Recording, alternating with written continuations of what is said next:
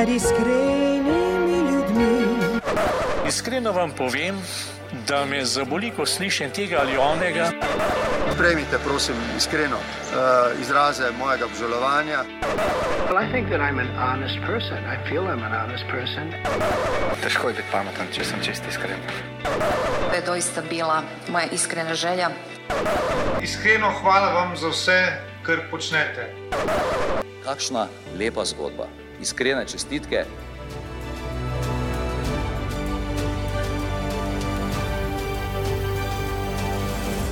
Drage poslušalke in spoštovani poslušalci, prisrčno dobrodošli v novi oddaji najbolj iskrenega podcasta. Podcasta, kjer ne ustvarjamo mnen, ampak skušamo spremeniti kakšno srce. Moje ime je Dušan Poslek in v današnji oddaji bomo naredili nekaj posebnega. Oziroma, najprej vas bomo lepo pozdravili v, v tem novem letu, pravkar smo vstopili v leto 2021. Vsi nekako upamo, da bo drugačno, kot je, bil, kot je bilo prejšnjo, pa čeprav se zavedamo, da tudi leto 2020 uh, prineslo sabo marsikatero novo spoznanje, ki smo ga tudi veseli in na katerem bomo tudi uh, gradili leto 2021. Zdaj, vsi tisti, ki nas redno spremljate, že veste, da v naših vsebinah nekako skušamo prepletati to, um, kar je povezano z delovanjem našega zavoda, in pa druge vsebine, ki vas tako ali pa drugače nagovarjajo. No, danes v tej prvi oddaji v novem letu pa bomo govorili še o enem vidiku našega zavoda. In sicer o tistem vidiku, ki našim bralcem, našim poslušalcem, našim uporabnikom, torej vsem vam, ki nas tudi poslušate, prinaša vsebine, ki jih v danih trenutkih tudi najbolj potrebujete. Zato v moji družbi danes pozdravljam Urško Petač. Eh, za Urško ste verjetno že slišali, če ne drugo, vse tisti, ki ste se odeležili e-priprave na zakon. Eh, Urška pa sedaj v našem zavodu skrbi tudi za izvedbo programov, s katerimi, kot rečeno, skušamo odgovoriti na potrebe vseh vas, ki te naše vsebine tudi eh, potrebujete. Urška, pozdravljena in prisrčno dobrodošla v najbolj iskrenem podkastu. Živijo, dušen. Živijo, Urška, zdaj upam, da nisi eh, preveč živčna, ko smo se nekako pripravljali na to snemanje. Si rekla, da, da še s tem nimaš ravno veliko izkušenj, ampak gledaj, ne na zadnje, tudi same programe si prevzela šele, pre, šele pred kratkim, tako da uh, se vsi skupaj tudi nekaj novega s tem naučimo. Ne? Ja, res je. Ja. Mislim, da um, vsaka izkušnja oziroma vsaka stvar, ki se jo lotevamo na novo, uh, prenaša nove izkušnje in nove izzive, ki so zgleda, zgledajo na začetku verjetno um, zelo veliki, pol pa s časoma postanejo tudi te izzivi, kar rutina oziroma pač nekaj, kar nam je malo lažje obvladati. Tako da upam, da če bo še kdaj snimala podcast, da ne bom tako živčna, kot sem danes. Ne, ne boš. Jaz verjamem, da že ob koncu tega podcasta eh, ne boš več tako živčna, kot si sedaj. Eh, verjamem pa, no, da lahko ta oddaja res marsikomu prinese eno novo spoznanje o tem, kakšne programe eh, tudi mi v sklopu zavoda omogočamo. Ampak preden nekako greva konkretno v to temo, torej v programe zavoda, iskreni povej, kot rečeno, vstopili smo v novo leto, vstopili smo v leto 2021. Če se čisto najprej nekako bolj površinsko, pa vseeno obrneš recimo na leto 2021, ki je tako iz družinskega vidika za tabo, kakšno je bilo leto, kakšno leto puščaš za sabo? Uf, um, predvsej dinamično brekla. No. Um, Prinesla nam je res ogromno enih um, novih izzivov. Najprej v bistvu skupaj s tem virusom prinesla tudi nekaj negotovosti, pa malo skrbi, pa to karanteno, v bistvu, kateri smo kar naenkrat dobili um, ta čas samo za nas, ki smo, smo si ga v bistvu vse čas tako želeli. Um, v bistvu to vsakodnevno odhajanje v službo, v Ljubljano in vračanje nazaj, nam je namreč že kar nekaj časa prenašalo malo nemira, polje pa kar naenkrat. Um, Ta želja po ustaviti vse postala resničnost in v resnici smo bili zelo hvaležni za njo. Um, ja, prvi val karantene smo v bistvu preživljali še zelo romantično, veliko smo bili zunaj, pa skrbeli za vrt, um, hodili na sprehode, fanti so naredili kurnik in kupili kokoši. Jaz sem bila še na porodniški, Matej ima v bistvu tudi zelo malo dela nadaljavo. Um, tako relativno mirno in lepo smo preživljali tisti čas. Zdaj, v drugem valu pa je mm, veliko več dinamike. No. Uh, dnevi so krajši, ne, vreme nam je malo manj naklonjeno, kot nam je bilo takrat bolj hladno je, no, in posledično smo pa manj zunaj. In mi dva so tudi drugače bremenjena z delom, kot so bila spomladi. Um, in sigurno vse to prenese pol v hiši veliko več uh, dinamike in veliko manj romantike. Um, tako da je drugače, kot smo bili vajeni, in velikrat je to dinamiko kar izziv ravnavati, ampak je pa zelo vredno. No. Ta čas doživljamo res kot en velik dan in smo maksimalno hvaležni za njega. Se moram kar strinjati s tabo. Vem, imam podobno izkušnjo. Sem bil spomladi, ko smo bili vem, dva, tri mesece, nekako vsaj občasno, pa dlje časa doma. Se mi zdi, da sem tudi sam kar precej užival v tem času, no, ki, ki smo ga imeli z otroki, z družino. Uh, potem smo nekako padli nazaj v ta običajen ritem. Ne. Zdaj, jesen, zima, pa, se pa se mi da nekako no, se že kažejo te ne bom rekel, glih posledice, ampak ti stranski učinki no, tega dolgotrajnega, bom rekel, ritma, ki ga nismo navajeni. No, vsaj mi, jaz lahko govorim za našo družino, vem, nekako tudi vidim pri, pri otrocih, da si že želita no, iti nazaj počasi v tiste njihovo okolje, torej v šolo, v vrtec. In iskreno, jaz komaj čakam, no, da, da se vsaj delno zadeve začnejo nazaj odpirati in da se začnemo vračati v nek eh, šolski, vrčevski ritem, ki smo ga poznali predtem. Ne. Ja, tudi mi. Eh, v bistvu imamo tako zelo mešane občutke. Um, kakšen dan si zelo želimo, da bi šli spet lahko malo v družbo, da bi lahko s kom šli ven na sprehod, eh, da bi šli v vrtec. Kakšen dan nam je pa še zmeraj tako lepo, smo še kar malo romantično zasanjeni v bistvu. V ta čas, po mojem, tudi zaradi tega, ker se zavedamo, da ga verjetno prav velikrat več ne bomo deležni. Ja, drži.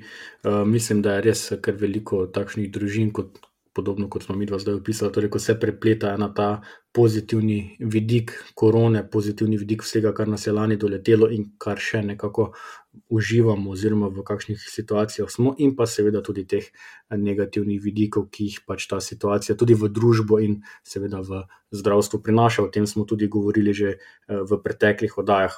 Ok, takole, leto je za nami, zdaj proti letu 2020, nič več ne moremo, podali smo se v leto 2021, ampak vseeno se želim še malo vrniti nazaj na tvoje začetke z, z Zavodom Iskreni, tako le v parih stavkih, kdaj, kje se je začelo tvoje sodelovanje, oziroma kdaj si nekako spoznala, da bi lahko en del svoje življenjske zgodbe pisala tudi znotraj našega zavoda. Hmm, um, dobro vprašanje. Um, pravzaprav moram kar malce pobrskati po spominu za tale odgovor. Um, po mojem, se res tisto naše prvo sodelovanje, oziroma moje prve srečanje z um, Zavodom Iskreni. Um, je bilo verjetno kakšnih deset let nazaj, ko sem bila udeleženka in priprave na zakon skupaj s um, takratnim možem, sedanjim, ne takratnim fantom, sedanjim možem. Um, potem pa v bistvu prvo sodelovanje prav z zavodom se je pa verjetno odvilo na enem festivalu družin, kjer sta pomagala kot prostovoljca. Pa je tudi po mojem že kar, ne vem, 11, ne 9, kakšnih 9 let recimo nazaj. Um, in pa sta kot prostovoljca na festivalu družin pomagala kar nekaj let, pol sta se počasi pridružila skupnosti, um, skupnosti iskreni. In pa kar naenkrat so vsi ti ljudje postali um, del najne družine, in ni dva del njihove te velike družine, v kateri so vse čas poskušali pomagati, kjer so bili lahko. Um, in tudi s prostovoljstvom na festivalu družin smo nadaljevali, tudi potem, ko so se že poročila in ko so se nam rodili otroci. Um, svoje talente in svoj čas, so pa tudi vse čas poskušala delovati pri pripravi skupnih dogodkov v, v skupnosti.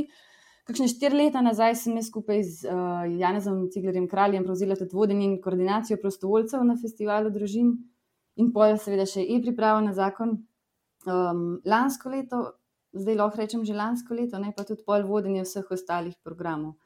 Um, Obenem pa je zdaj moja naloga tudi to, no, da koordiniram uh, skupne dogodke v skupnosti iskreni.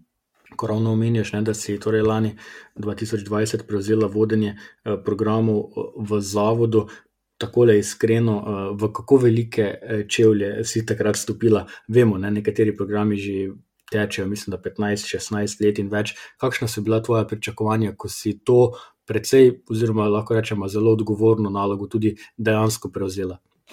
Ja, um, škoda, da ni z nami tle še koga od tistih, ki so mi te čevlje kako ne rečem, prodajali oziroma predajali. Uh, njihov pogled je, po mojem, čist drugačen kot moj. Meni so se v glavnem ti čevlji zdeli res, res preveliki. Um, če bi poskusila našteti stvari, v katerih sem se videla, bom po mojem hitro končala. Če pa se lotim naštevanja tistih delovnih obveznosti, za katere pa se mi je zdelo, da me pa presegajo, se po mojem lahko še kar nekaj časa pogovarjava.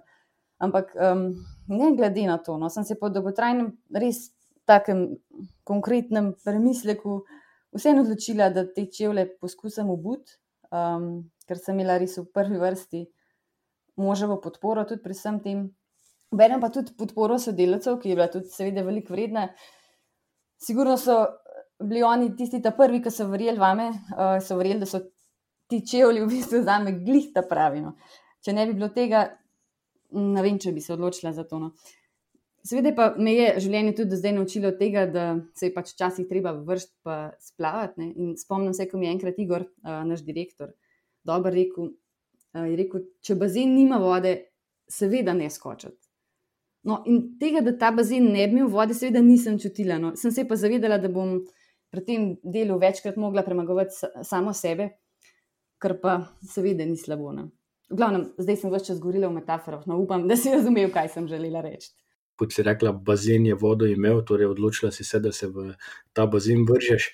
Uh, ampak tako je vseeno, ne? ti si se v ta bazen vrgla, pa bomo počasi nehala za to metaforo, pa vseeno v ta bazen si se vrgla v letu 2020, ko je bilo kompletno v znamenju te korona krize. Ne? Verjetno bi si težje zbrala leto, ki bi bilo nekako bolj polno izzivov, kot je bilo leto 2020. Zato povej, kako drugačno je bilo leto 2020, seveda v smislu programov, v smislu vsega tega, kar se je v zavodu organiziralo in kar se je moralo praktično čez noč reorganizirati in na novo postaviti.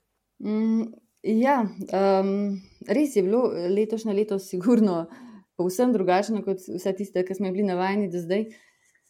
Jaz mislim, da je bil največji izziv ravno ta čas epidemije. Um, takrat smo bili kar malce izgubljeni. No, nismo točno vedeli, kako zdaj pristopiti, kaj nam zdaj ta čas ponuja, ampak smo hmalo kar poskusili um, iti naprej, um, najti načine, da spet pridemo do ljudi, da pridemo na drug način do ljudi. No. Um, trudili smo se izvajati nadaljavo, najprej vse te aktivnosti, ki smo jih seveda lahko. No. Um, poskusili smo svetovanje za fertility care. Um, terapije, zakonske in družinske terapije, ter seveda je pripravljen na zakon, Um, ostale stvari pa smo poskusili pač predstaviti in izvesti tekom poletja, čeprav običajno programov med poletjem ne izvajamo. No. Um, leto smo pač seveda naredili izjemo. Uh, pol podobno se je pa zgodilo spet z jesenskimi izvedbami programov. Odpadle so delavnice čudovitih princes, skrivnostne lepotice, divji bojevniki, um, oba seminarija sočutne vzgoje, uh, ja, sočutnega starševstva. Um, v bistvu res veliko je bilo njih odpovedi in v resnici nam je bilo ob vsaki znova težko. Um, poleg tega pa nam pa nismo mogli ljudem ponuditi nekih dodatnih oziroma nekih drugih uh, nadomestnih datumov, ker niti malo še ni znano, še, ne, še vedno ne vemo, kdaj se bomo lahko vrnili v, v tisto realnost, ki jo poznamo. Um, tako da ne moramo ljudem zdaj ponuditi nekih datumov, kdaj se bomo pa lahko spet srečali in na, srečanje, na katero srečanje se lahko prijavijo. Um, ampak vsem poskušamo biti vsaj malo optimistični, um, zato puščamo prijave vse čas odprte. Tako da se je v bistvu v tem času zdaj še vedno mogoče prijaviti na uh, naše programe in sicer na prvi možni termin, ki ga bomo lahko razpisali takoj po koncu epidemije, oziroma po sprostitvi ukrepov, ki nam trenutno to zbiranje mhm. onemogočajo. No. Um, se pravi, možno se je prijaviti na uh, delavnice za mame in hčerje, torej na čudovito princeso in skrivnostno lepotico. Eh, na delavnice za očete in sinove, torej na dve bojevnike in tudi na seminarje sočutnega starševstva. No, ampak da ne bom govorila samo o tem, kar je odpadlo in kar je bilo slabo. Um, res, da smo imeli na eni strani veliko programov, ki so stali in doživljali nek upad prijav, na drugi strani pa smo imeli e-pripravo, ki pa je v tem letu v bistvu prav lepo zaživela. Smo bili prav hvaležni, um, ker recimo predtem smo imeli ponovadi dve skupini priprave na zakon na leto, v letošnjem letu pa smo jih imeli pet mislim, da več kot to, da smo bili hvaležni, res nimamo več kaj reči. No. To, to je bilo približno to, kar je bilo največjih izzivov let, v letošnjem letu. Super, um, ok, nekaj, nekaj seminarjev, nekaj predavanj se je vseeno uh, preselilo, kot si rekla, iz nekega fizičnega okolja, torej iz nekih predavalnic, iz nekih sob na te uh, da rečem, spletne sobe, na ta spletna okolja. Povej, kako ti doživljaš te selitve, oziroma kakšna je razlika, ki jo ti občutiš, ko se mora neka delavnica, ki je sicer načrtovana za nek osebni stik, potem preseliti, recimo na splet, ne vem, pač v eno izmed aplikacij za te pogovore, sestanke in podobno. Ko manjka ta neposredni osebni stik, ki ga vseeno preko spleta, seveda, ni. Ne? Mm, ja, glej, um, v resnici, ne, če tako pomisliš, v resnici ni tako težko eh, predstaviti nekega pro programa na spletu. Srečno zdaj ti razno razne aplikacije, vem, recimo Zoom, omogočajo na nek način zelo podoben način srečevanja, s to razliko, da pač nismo skupaj, ampak da smo vsak na svojem domu in za svojim računalnikom. Ampak vsem pa prek spleta enostavno ni mogoče ustvariti takšnega vzdušja, ki ga naredi ravno um, ena skupina ljudi, ki se zbere na kupu. Um, ne moramo izvesti nekih dinamik, nekih um, aktivnosti, ki skupino povežejo. Obenem pa opažamo tudi, um, da se ljudje na splošno, kljub temu, da res, res veliko časa zdaj preživljamo pred računalniki, nismo še čist v domačilu teh spletnih videokonferencah.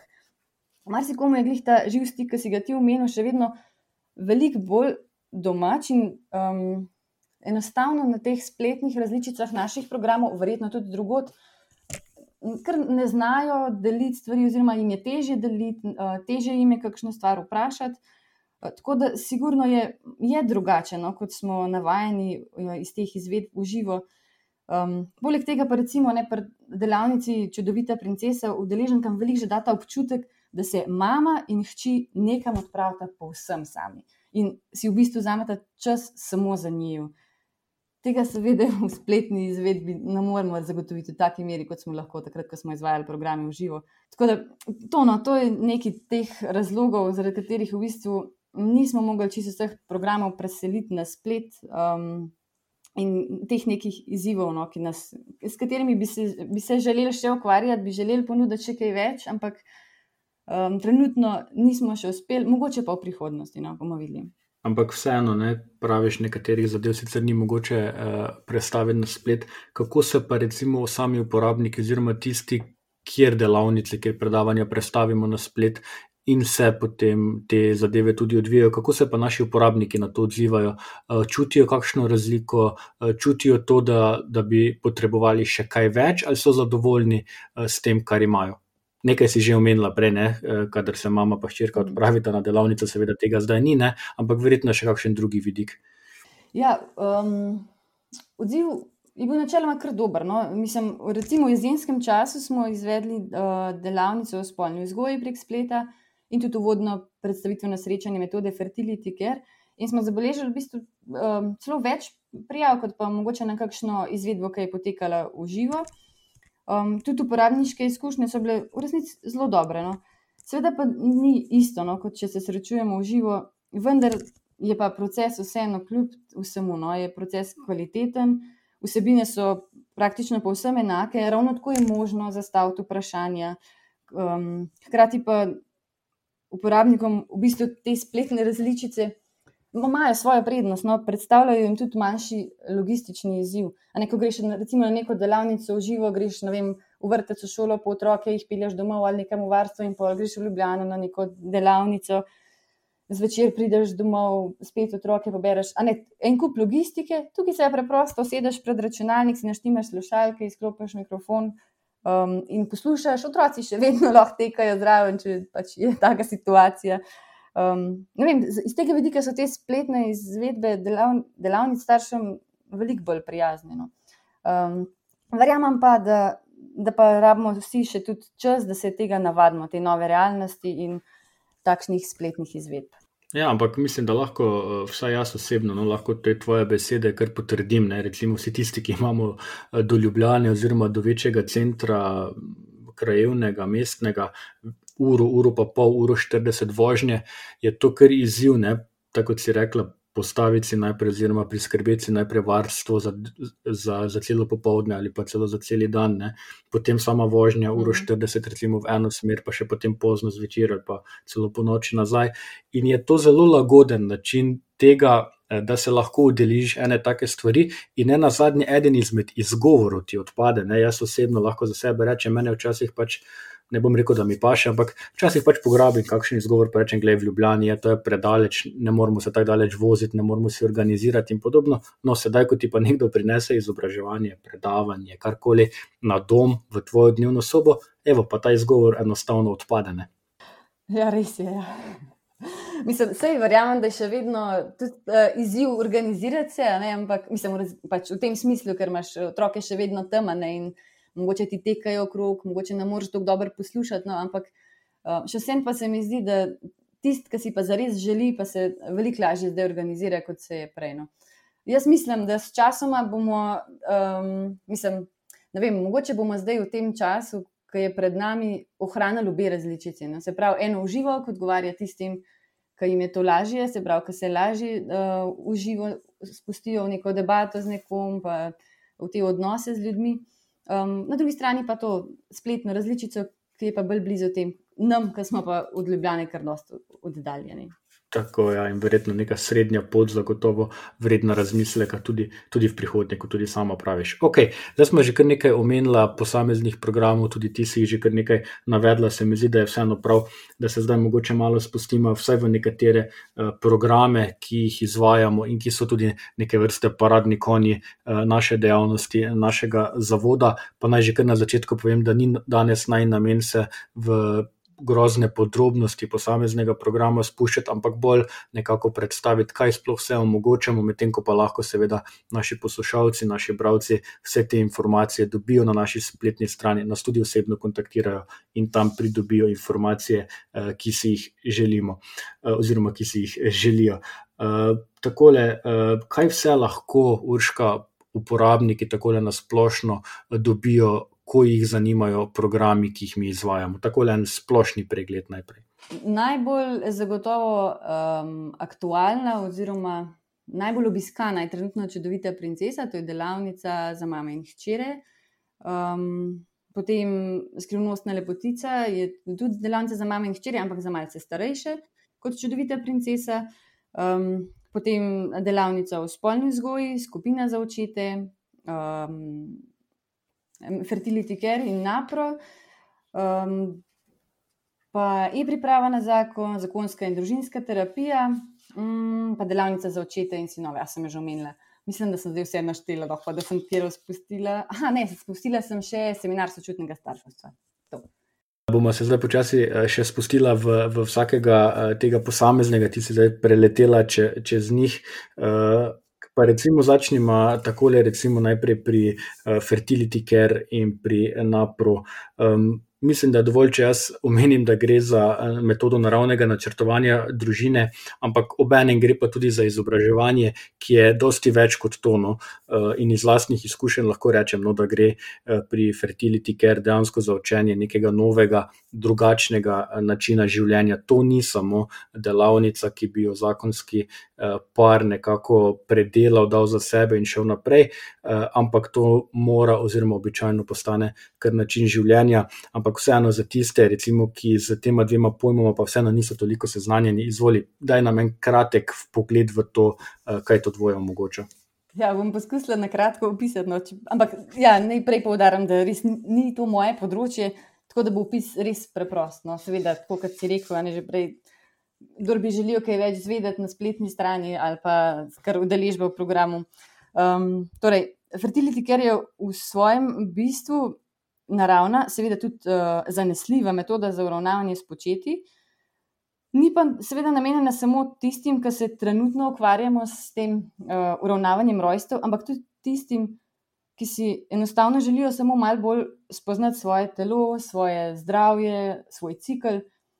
In ko jo usvojimo, nam ta metoda nekako omogoča, da živimo svojo plodnost resnično v sozvočju s svojim ciklusom. No. Hkrati pa je z njo mogoče tudi hitreje odkriti morebitne ginekološke težave. No.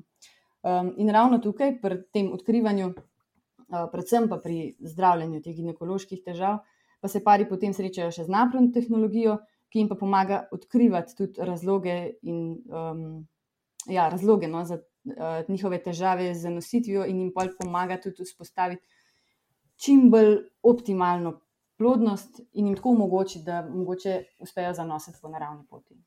Torej, lahko rečemo vsem tistim, ne, ki so zainteresirani, oziroma ki jih ti ta dva programa, oziroma eh, ti dve zadevi zanimata, da uh, nas, nas brez težav kontaktirajo in jih povežemo, seveda, potem z našimi uh, fertility care uh, svetovalkami in se potem z njimi konkretno dogovorijo, kako, kdaj in na kakšen način naprej. Ne. Ok, potem gremo naprej. Uh, skupina uh, za očete. Ne. Tako, ko nekako preberem uh, ta naslov, oziroma ja, recimo, da, da, da je to naslov um, delavnice in podobno, ampak tudi tukaj gre za nekaj več, ne? tukaj gre za izmenjavo mnen, izkušenj, dobrih praks, praks ampak kako pa ta srečanja, kako te izmenjave uh, potekajo dejansko. Uh, V resničnem življenju, oziroma kako se te stvari sploh odvijajo, kako poteka to? Um, običajno se očetje srečujejo kar na Nazorevi, torej na sedežu našega zavoda.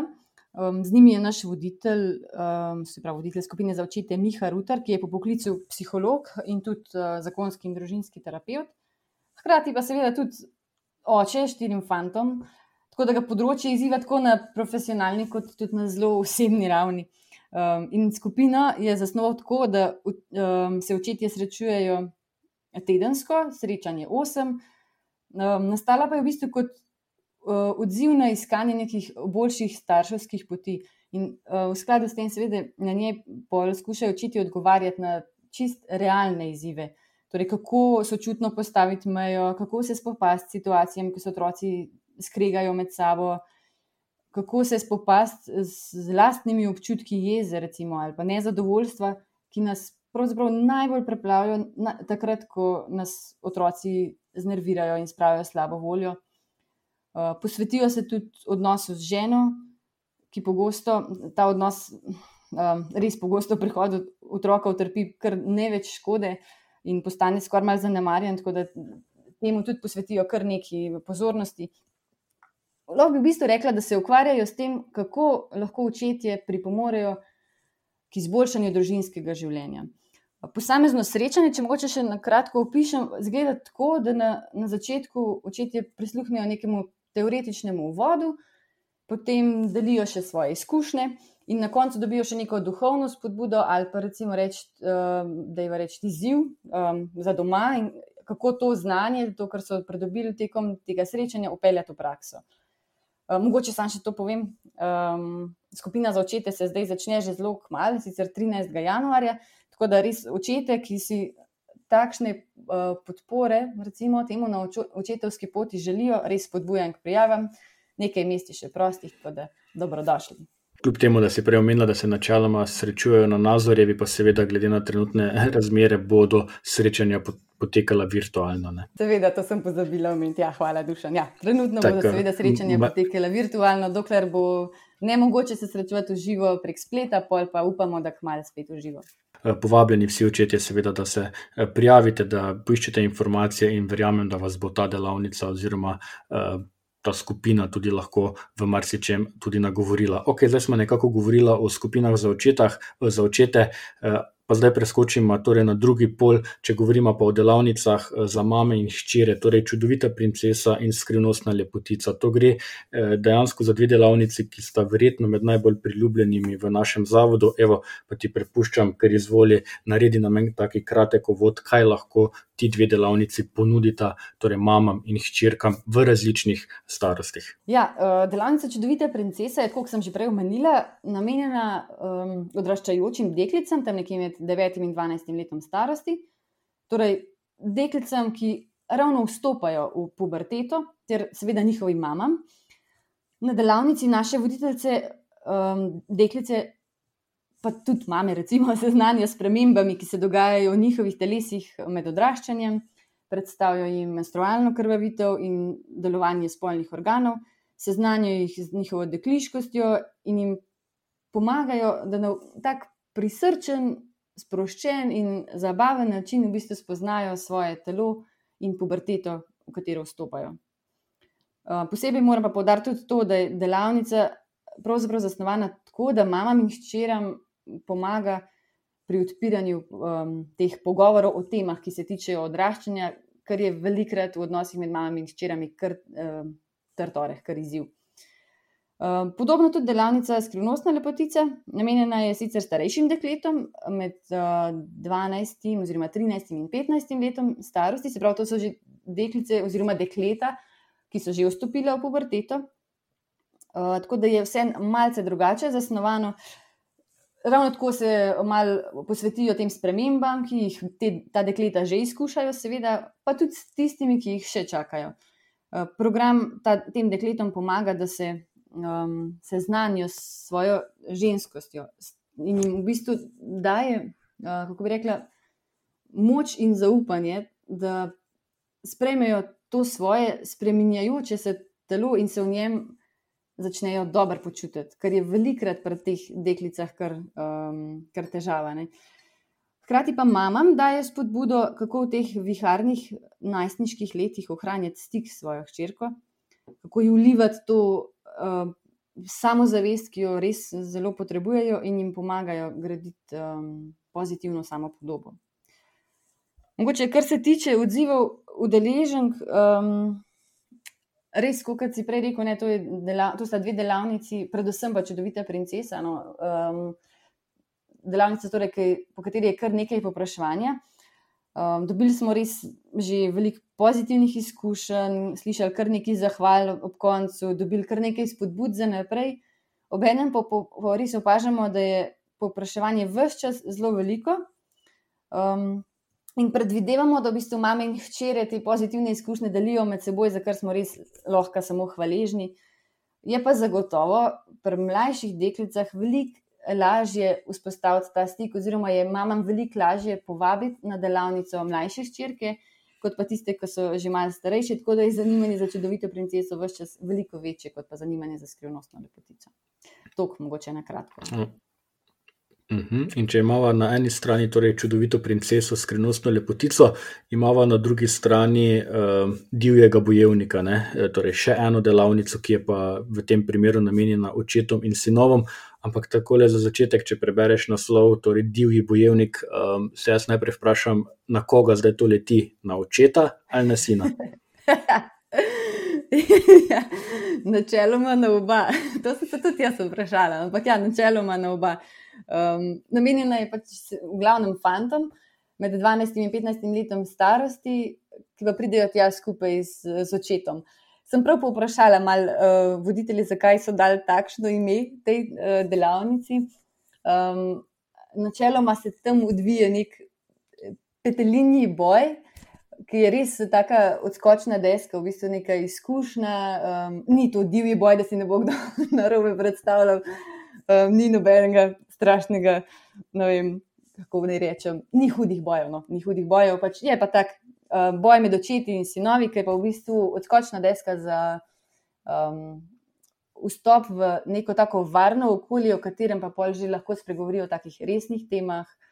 Um, O, o tistih temah, o katerih je težko govoriti, recimo, o katerih je težko sinu spregovoriti in očetu, pravzaprav tudi začeti to temo. Eh, Tako le, ko te poslušam, eh, ko si tudi rekla, komu in kako je to namenjeno. Ne? Mislim, da sem v enem izmed eh, člankov na naši spletni strani pri opisu te delavnice prebral, ne, da je tudi nekako namen ta, da se oče in sin pridobita to izkušnjo nevarne povezanosti eh, med seboj. In dobro, jaz sicer moram reči, da še moj sin še ni v teh letih, torej trenutno smo si še zelo blizu, ampak res jih nagovarjamo v tej delavnici, v tistem občutljivem obdobju, ko se prehitro lahko zgodi, da se nekako interes in poti tudi med očetom in sinom začne iti nekako vsak po svoji strani. In ravno ta delavnica namenjena temu, ne, da se ta povezanost nekako uh, na, na novo postavi, ali pa da se še bolj ukrepi. Ja, ja, točno to. Jaz sicer tudi še nisem tam, hkrati pa nisem oče. No, to je pomembno poudariti. Um, tako da jaz se te delavnice žal ne bom mogla odeležiti. Ampak ja, resnično je to, ja, da so to v bistvu fanti, ki so že vstopili v puberteto in na eni strani že vstopajo v ta moški svet, če temu tako rečemo, in iščejo potrditve med uh, prijatelji, na drugi strani pa še vedno krepenijo tudi po očetovi potrditvi in po njegovi naklonjenosti. In to obdobje je v bistvu za fante velikrat še bolj turbulentno, ali pa mogoče, če rečem, drugače turbulentno kot pri dekletih. in jim je zaradi tega zagotovo treba posvetiti posebno pozornost. Um, ravno temu je ta program namenjen.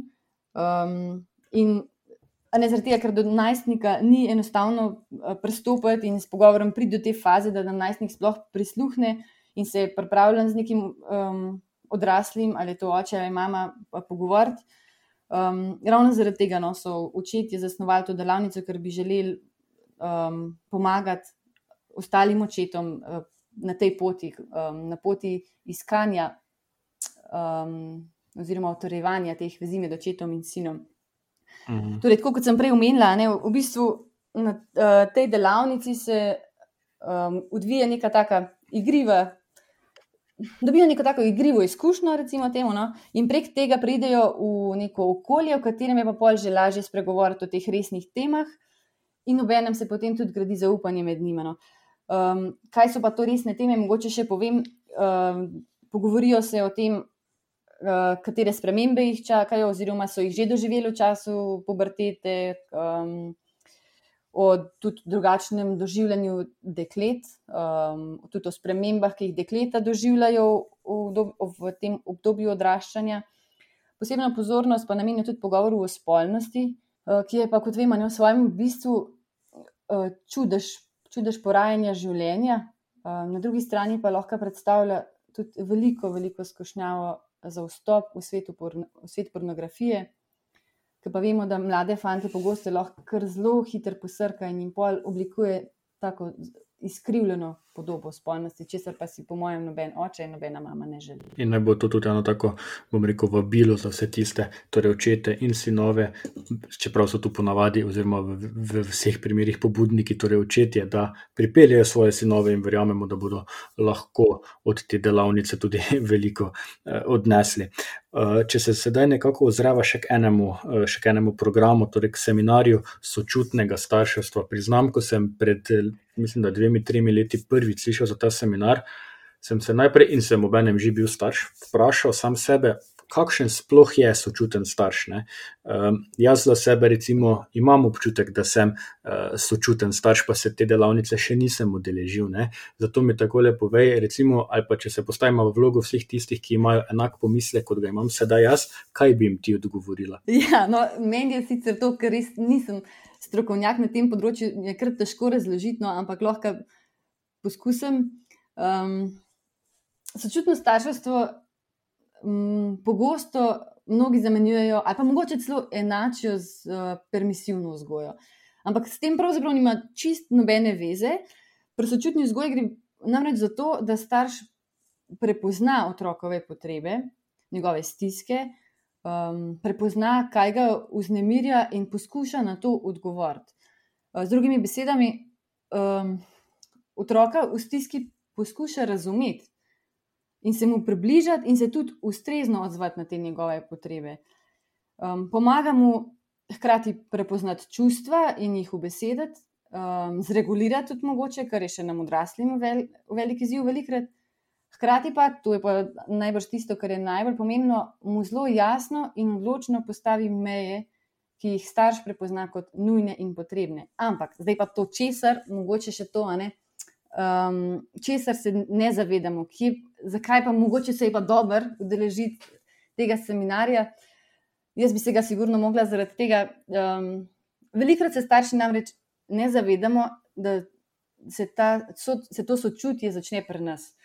Um, najprej moramo mi prepoznati to, uh, kaj je tisto, kar nas vznemirja, kaj nas spravlja v stisko, pri sebi, kaj, kaj je tisto, kar mene spravlja v stisko, in šele potem lahko bolj samozavestno, predvsem pa mirno uh, predstavim otroku neka svoje pričakovanja in mu postavim, um, da jim o tem rečem, jasno mejo. Um, če mogoče tudi lepo poskusim povedati z drugimi besedami, najprej moramo biti sočutni sami s sabo. Šele potem smo lahko sočutni z drugimi, in to je, po mojem, ta past, v katero se pogosto ujamemo. Um, Sveda, naj res še enkrat podarim, ne se preveč v narekovajih obesiti na to mojo razlago, ker res nisem strokovnjak na tem področju. Jaz verjamem, da je še vsem veliko pasti, veliko stvari, ki se jih ne zavedamo. Jaz tudi žal še nisem bila na tem seminarju, si pa zelo želim in sem želela iti zdaj v jeseni, pa je že odpadel. Um, tako da svetujem vsem, ki bi jih to področje zanimalo, da se odeležijo uh, seminarje, ker sem prepričana, da odpira vse te vidike starševstva, ki se nam mogoče zdijo zelo oddaljeni. Hkrati pa si, po mojem, vsi močno želimo, da bi bili svojim otrokom najboljši starši in da bi jim omogočili, da bi zrasli neke odgovorne in samozavestne posameznike. In sem prepričana, da tukaj nam, tlele, um, tukaj nam tale seminar res lahko uh, pride naproti in nam ponudi neke spodbude za naprej, za vse te izzive, ki nas še čakajo na poti Drži in, drži in podpišem. Tako da eh, se bomo počasi, se bomo počasi preselili še naprej. Mogoče bi na tem mestu samo omenil tudi eh, program oziroma zakonsko in družinsko terapijo, menim, da tudi tu že samo ime, samo po sebi, pove dovolj, kaj lahko ponudimo, kako lahko uh, pomagamo. Seveda, naši terapeuti bodo se posvetili vsem težavam, s katerimi jih boste seznanili. Tako da vas povabim, da poiščete kontakt, pridete na našo spletno stran in vas bomo povezali z ustreznimi ljudmi, ki vam bodo pomagali v vseh vaših stiskah oziroma v vseh vaših težavah, izzivih, ki jih mogoče čutite. Bi se pa rad na tej točki mogoče še uh, dotaknil dveh uh, programov in sicer najprej najprej delavnice o spolni vzgoji. Ne? Ko prebereš delavnico o spolni vzgoji, vse meni osebno, še da en taki malo klicaj, ups, kaj pa bi se lahko tukaj pogovarjali. Ne? Pa povej, ehm, je to še vedno nekako v slovenski družbi tabu tema eh, ali ne več jo počasi presegamo, kam oziroma koga se želimo eh, dotakniti z, to, z tem programom? Ja, to je vsekakor še vedno tabu tema. Mislim, da to ugotovimo čisto na vsaki izvedbi te delavnice. Hkrati pa ugotavljamo, da se vse en starši zdaj že veliko več ukvarjamo s tem, kot so se recimo s tem ukvarjali naši stari starši, mogoče tudi starši. No. Um, Vsem si vedno bolj želimo biti otrokom na voljo tudi za takšne vprašanja, jim dajati odgovore na nje, ter jim s tem pomagati, da ne bodo iskali odgovorov na ta vprašanja pri svojih vrstnikih ali pa, bog nadej, na spletu, ampak da bi se najprej obrnili na nas. Um, mislim, da si res vedno bolj želimo biti učitelji tudi na tem področju. Um, mogoče še o tem, ja, kaj ponuja delavnica. V bistvu v prvi vrsti želi staršem dati pogum za to, da z otroki spregovorijo o spolnosti in jim jo predstavijo kot nekaj lepega, nekaj, nekaj čudovitega, nekaj, kar poraja življenje.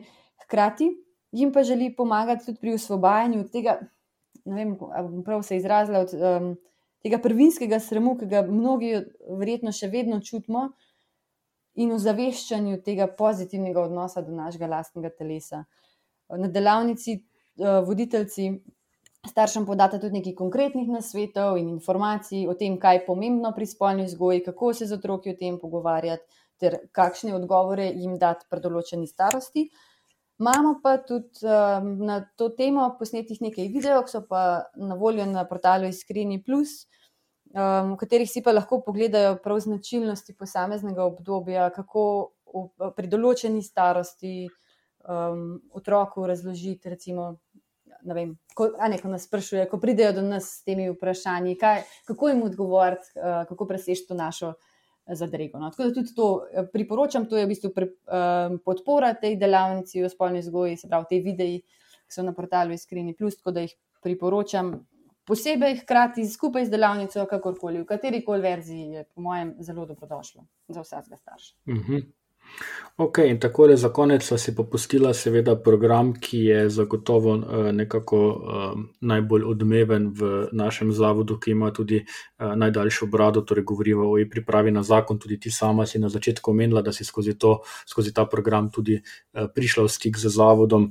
Um, Povej, Urška, ko sta se vidva z možem tako le pripravljala na zakon, sta bila v tej e-pripravi, um, ti jo lahko torej smatram, priporočaš iz prve roke, obenem sta sedaj tudi pa, voditeljski par. Uh, ta koncept e-priprave na zakon uh, živi že precej, pred, je živel že precej predtem, ko nas je nekako tako vid realnost uh, zadela. Kako pa ga ti spremljaš, uh, ta program, ki se res, res že kar dolgo razvija in ki res dosega že veliko mladih src? Mm. Mislim, meni je priprava prinaša res veliko uh, dragocenih izkušenj. V prvi vrsti, po mojem, mi postavlja pogovor med mano in možem na nek urnik, um, se pravi, pogovor zaradi je priprave na zakon. Že to je bilo že takrat, preden smo se poročili, no, smo ugotavljali, da je to bil uh, res pomemben vidik uh, te priprave. Se pravi, da nam je pogovor postavil na urnik, da so točno vedeli, da se je v enem tednu treba pogovoriti o določeni temi in videti, da to nama koristi še zdaj. No. Um, v bistvu to je tisto, kar nama kot zakoncema prenaša, uh, tako čist um, organizacijsko, no. se pravi ta navada, pogovarjati se. Um, drugač pa kot voditeljca, pa res srečujem tekom tega programa ogromno enih parov, ogromno enih zgodb.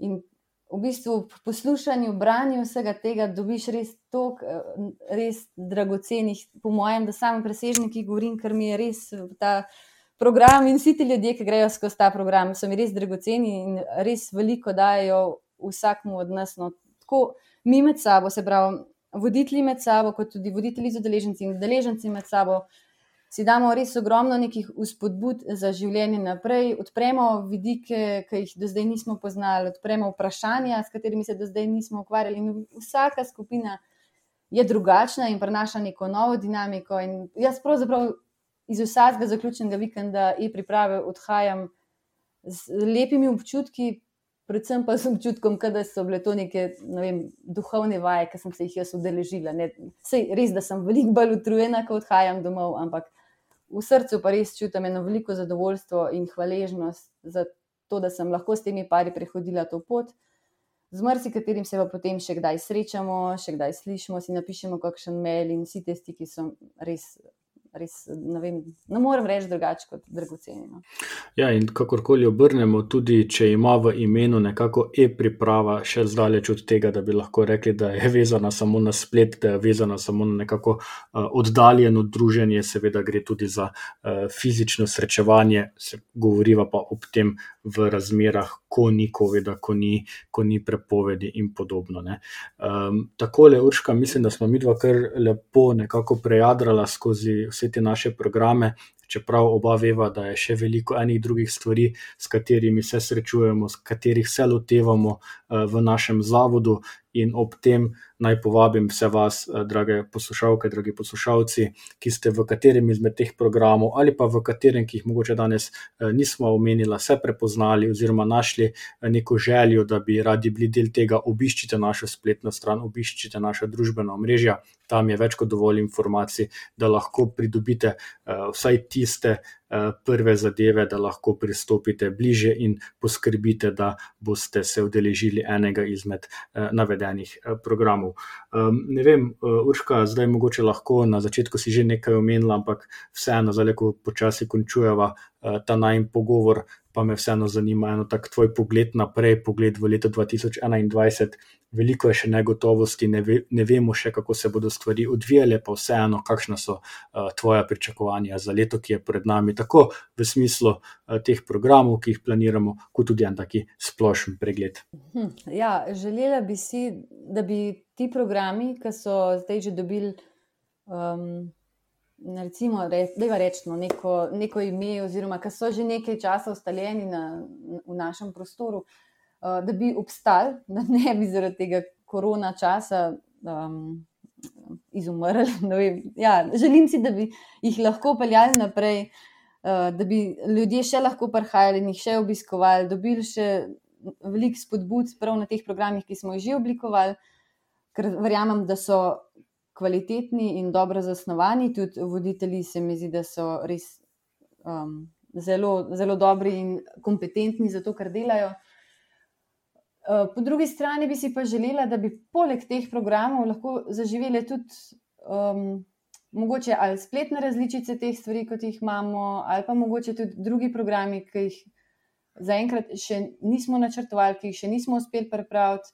Mogoče kakšni od tistih, ki jih že dolgo načrtujemo, kakšni vem, ali programi za zakonce, um, ali morda vem, kakšne druge vsebine, ki jih starši zelo potrebujemo, da bi nam bile podporo pri um, vzgoji naših otrok ali pa v naših medsebojnih odnosih s zakoncem.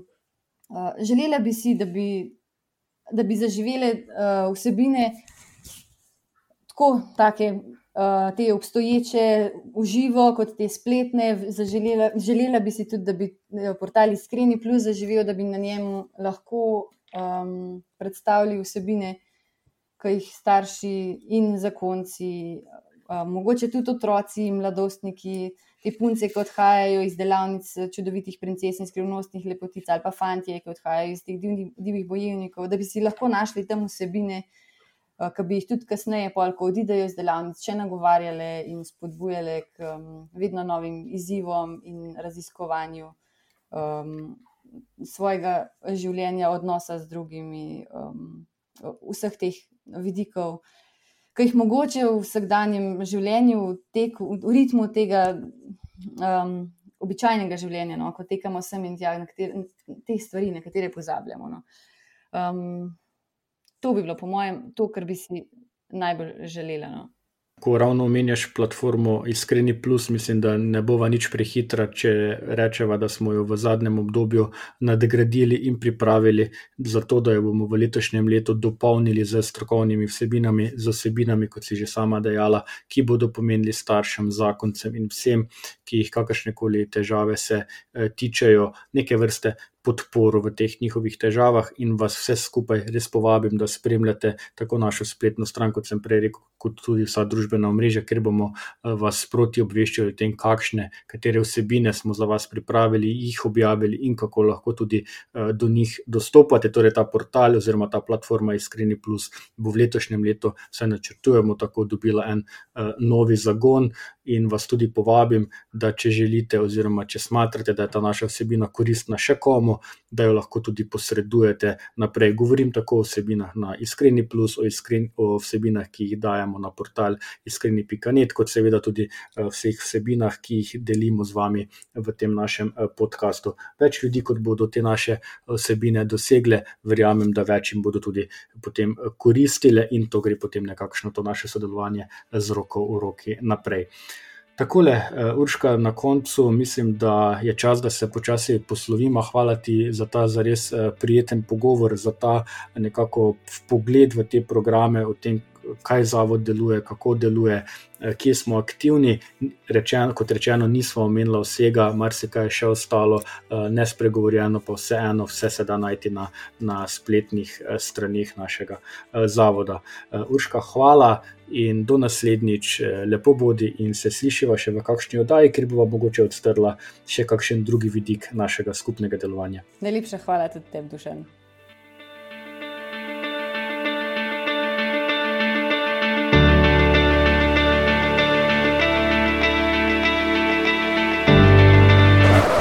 Med iskrenimi ljudmi. Iskreno vam povem, da me zaboli, ko slišim tega ali onega.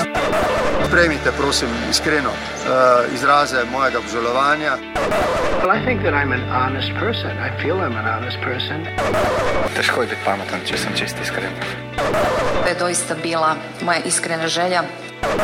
Iskreno hvala vam za vse, kar počnete. Kakšna lepa zgodba. Iskrene čestitke